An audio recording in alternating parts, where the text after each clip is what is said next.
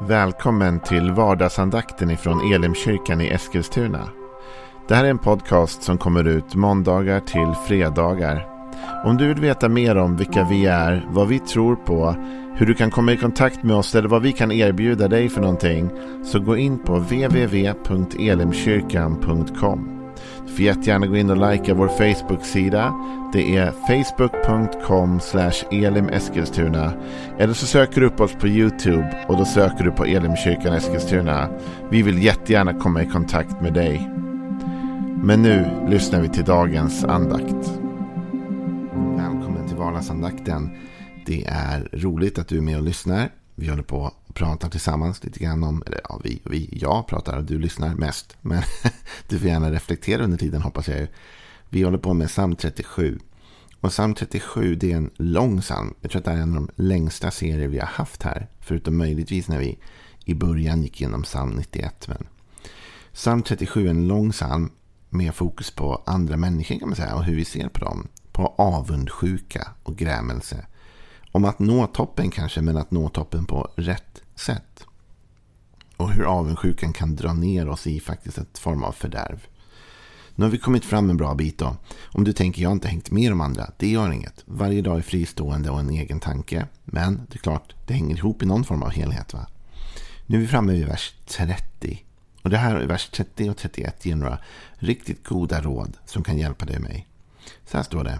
Den rättfärdiges mun talar vishet. Hans tunga säger det som är rätt. Han har sin Guds undervisning i hjärtat och hans steg vacklar inte. Det här handlar om att ett stabilt liv. Ett liv utan steg som vacklar. Och poängen med avundsjukan är att det vore väl en sak om avundsjukan bara stannade i vår tanke och, och liksom var någonting som störde oss ibland. Men avundsjukan är en kraft som driver oss till handling. Det börjar som en tanke. Det, det börjar som en liten, så här, ja, det där skulle man vilja ha. Och sen växer sig och växer sig starkare till grämelse, till irritation. Och det leder till ibland till handlingar som inte är bra, som inte är stabila. Och så rubbar det vårt liv så att säga. Det vill vi inte. Men hur kan jag då hålla mig från den vägen? Jo, men det börjar så här. Den rättfärdiges mun talar vishet. Okej. Okay? Hans tunga säger som eh, det som är rätt. Alltså jag tror att det här är oerhört viktigt. Att du och jag förstår att, att eh, avundsjukan är en illusion. Ett luftslott. Ja visst, det kan ju vara sant att någon har något som du vill ha. Det är inte det jag säger. Men i samband med det så målar vi upp ofta en drömbild om hur hela deras liv är och hur deras liv är så mycket bättre på grund av att de har den där fina bilen eller det där bra jobbet eller de har det där lyckliga äktenskapet till synes i alla fall. Vad vet vi egentligen om vad som händer bakom lyckta dörrar så att säga. Och det där blir ett problem och då är risken att vi ibland börjar tala ut och tänka saker som inte är sanna om varandra. Ja, du vet, den har en sån där bil, den måste ju ha fruktansvärt mycket pengar. Eller ja, den där har ett sånt där jobb, den måste ju vara oerhört lycklig, tycker det är roligt att gå till jobbet varje dag. Men det där vet vi inte ens om det är sant. Bilen kanske är upplånad till liksom 100% då, och en person som, som kämpar för att klara av avbetalningen. Vi vet inte hur den här personen trivs eller inte trivs på sitt jobb. Det kanske är en toxic arbetsmiljö som är, är bedrövlig för den människan att vara i. Det vet vi ingenting om. Men när vi börjar måla upp de här drömslotten, då startar vi en ostabil väg för oss själva. Därför sen tittar vi på vårt eget liv och då ser vi alla problem vi har. Du kanske inte har några problem, men, men jag då. Om jag granskar för mycket mitt eget liv så kommer jag hitta sprickor i allt möjligt, eller hur? Jag älskar mitt jobb, men granskar jag det för mycket så kommer jag hitta saker jag inte tycker om där. Och jag, liksom, det finns, på alla områden i livet så kan man tycka att ja, jag har det bra, men samtidigt, ja, och förstorar jag då de små problemen så kan jag lätt få för mig att mitt liv är bedrövligt. Fastän det inte är det. Därför att jag jämför mig med någons liv. Fast jag jämför mig inte med deras liv egentligen. Utan jag jämför mig med min bild av deras liv. Alltså mitt luftslott jag har målat upp om hur deras liv är. Så den som vandrar med steg som inte vacklar då. Det är den som faktiskt lär sig säga det som är rätt. Eller det som är då sant. Som lär sig tala sanningen som lär sig nyansera bilden lite grann. Så det är väldigt viktigt att du och jag inte tillåter oss själva att måla upp för luftslottiga bilder om varandra. Utan inser att alla människor är prövade på olika sätt. Alla människor har sina utmaningar.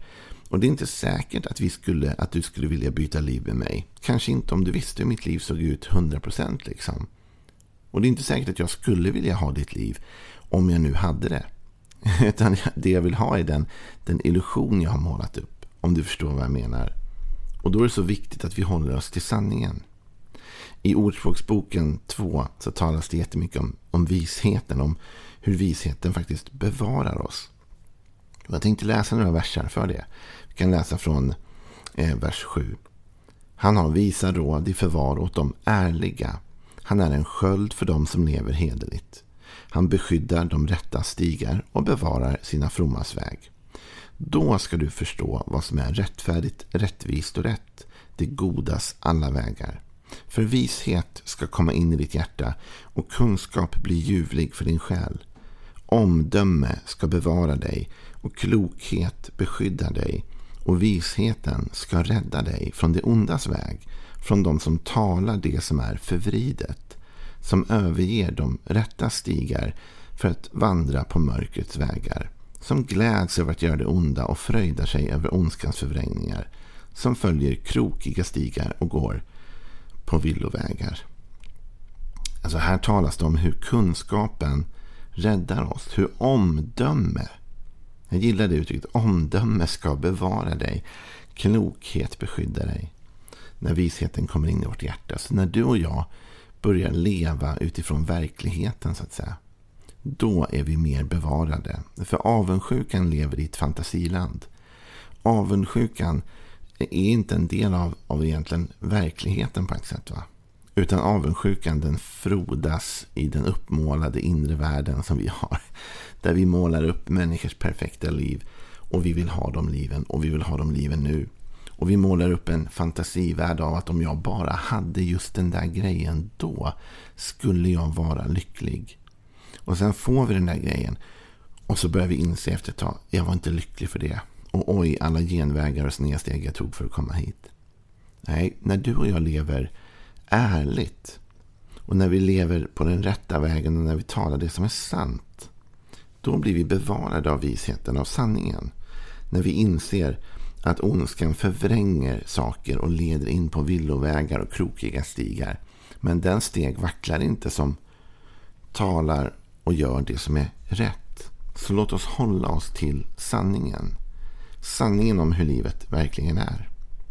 Och där tror jag ibland en liten sido, ett sidospår kanske, men jag tror att vi i kyrkan ibland inte har gjort varandra en tjänst genom att komma så påklistrade jämt. Alltså komma och se ut som att livet är perfekt och låtsas som att vi inte har våra problem och bekymmer. Därför vi, vi målar upp luftslott för varandra. Men så är det ju inte. Jag tror vi skulle må bra av ibland att komma till kyrkan med ärlighet och säga okej, okay, mycket är bra i livet. Men det finns en del som inte är bra och våga dela det med varandra, då tror jag att vi skulle liksom poppa hål på varandras luftslott och få en mer ärlig bild av livet. Det talas ju i psalm 37 om då att den rättfärdiges mun talar vishet, hans tunga säger det som är rätt. Med andra ord, han har en, en, en, en korrekt bild av verkligheten. va? Och han talar den korrekta bilden han ser. Han, han, han ljuger inte, han lägger inte till, han överdriver inte. va? Han har sin undervisning, han har, han har sin Guds undervisning i hjärtat. Det här bygger på att jag mår bra inombords. Och att jag har Guds ord som en ledstjärna i mitt hjärta. Och i, eh, vers, eh, i Jesaja 51, vers 7 framåt står det så här. Hör på mig ni som känner rättfärdigheten. Du folk som har min undervisning i ditt hjärta. Var inte rädda för människors hån. Frukta inte deras förolämpningar. För mal ska förtära dem som en klädnad, mått ska äta dem som ylle. Men min rättfärdighet ska bestå för evigt, min frälsning från släkte till släkte. Här har vi ju lite grann att göra faktiskt med avundsjukan, eller hur? För man är ju rädd för människors hån och människors förolämpningar. Tänk om jag inte har den nyaste tröjan eller den nyaste mobilen. Eller tänk om de tycker så här om mig när jag kommer så här. Eller ser ut så här, beter mig så här. Alltså, och så har man massa, massa olika känslor och tankar kring det. Man är rädd för människor. Men då säger han så här, att det folk som har Guds undervisning i sitt hjärta inser det som är rätt. Inser hur det skört det där är. Inser att, att, att mal ska förtära det där och mått ska äta det som ylle. Men det som är rättfärdigt och det som är sant och det som är riktigt, det är det som består för evigt. Ett evigt perspektiv. Och du som har lyssnat tidigare under vardagsandakten vet att jag under hela tiden har sagt att jag, Gud har ingenting emot att du har fina eller bra saker. Jag kan till och med tro att Gud vill att du ska ha mer fina och bra och goda saker. Och jag tror att Gud vill att du ska komma längre på ditt jobb och ha en ännu bättre karriär och ha ännu mer lycka och framgång i livet. Jag tror Gud vill allt det där. Men jag tror att Gud är mån om att vi lever i verkligheten. Och att vi lever rätt på vägen upp. Att vi väljer rätt väg till toppen. Och att vi inte blir korrupta. För vi vet alla att framgång och pengar och rikedom och status. Det där är saker som har korrumperat människor i alla tider. Och hur bevarar jag mig då från att inte bli korrupt? Jo, nummer ett. Jag är ärlig och ser verkligheten för vad den är. Jag överdriver inte andra människors lycka. Och jag, jag liksom ser inte den här fantasivärlden. Utan jag faktiskt lever med en verklighetsbild som är korrekt. Och det andra är, jag fyller mitt hjärta med Guds ord och hans tankar och hans vishet. Och när jag gör det, då lever jag liksom ärligt i världen. Men jag lever också med Guds ord i hjärtat som ger mig en insikt som är djupare än bara det jag kan se och det jag kan höra med mina sinnen. Utan en insikt om vad som på djupet är det rätta och vad som på djupet kommer bestå i evighet och i framtid. Jesus han talar om det här väldigt mycket som att det, det här är något vi får hjälp av den helige ande med. Därför att den helige ande ska komma till oss och till och med bli så intimt nära oss att han bor i oss. I Johannes 14 och vers 15 säger Jesus. Om ni älskar mig håller ni fast vid mina bud. Och jag ska be Fadern och han ska ge er en annan hjälpare som ska vara hos er för alltid. Sanningens ande. Världen kan inte ta emot honom, för världen ser honom inte och känner honom inte. Ni känner honom, för han förblir hos er och ska vara i er. Jag ska inte lämna er faderlösa, jag ska komma till er. Alltså, det är en fantastisk vers där Jesus säger att om ni håller fast vid mina ord, som vi var inne på nyss, om vi har ordet i hjärtat, Guds undervisning med oss, så ska Jesus be Fadern att han ska sända en annan hjälpare som ska vara hos oss för alltid. Och vad är det för hjälpare? Sanningens ande. Det där är intressant med det vi talade om nyss. Sanningens ande, vad, vad agerar han i för värld, i värld och verklighet? I sanningens värld. Med andra ord, den heliga ande är inte illusionernas ande. Den heliga ande är inte påhittets ande. Eller fantasins ande främst. Den heliga ande är sanningens ande. Så den heliga ande kommer hjälpa dig att se vad som är verkligt och riktigt. Och hjälpa dig att navigera utifrån det. Sanningens ande och den anden ska bo i dig och mig.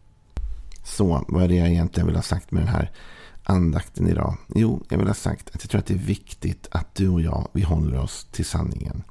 Att den rättfärdige, han talar det som är rätt. Han ser sanningen, han ser verkligheten. Och visst, vi kan ha tro om att Gud ska föra oss längre än det vi ser. Och alla de bitarna, det kallas för tro.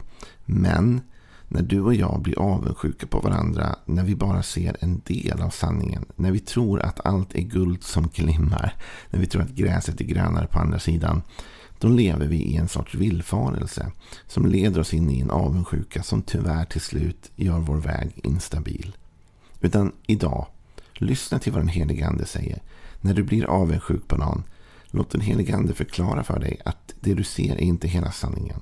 Och lev med Guds ord i hjärtat som visar oss vad som är förgängligt och vad som är hållbart och evigt. De här sakerna skulle jag önska att du fick med dig från den här andakten idag. Då tror jag att vi bygger ett stabilare liv. Och vet du, förr eller senare när du vandrar med sanningens ande och med Guds ord som vägledning så kommer du upptäcka att wow, du, jag är uppe på toppen här. Gud har lett mig fram och Gud har välsignat mig. Så ha en välsignad dag. Imorgon fortsätter vi igen. Hej då.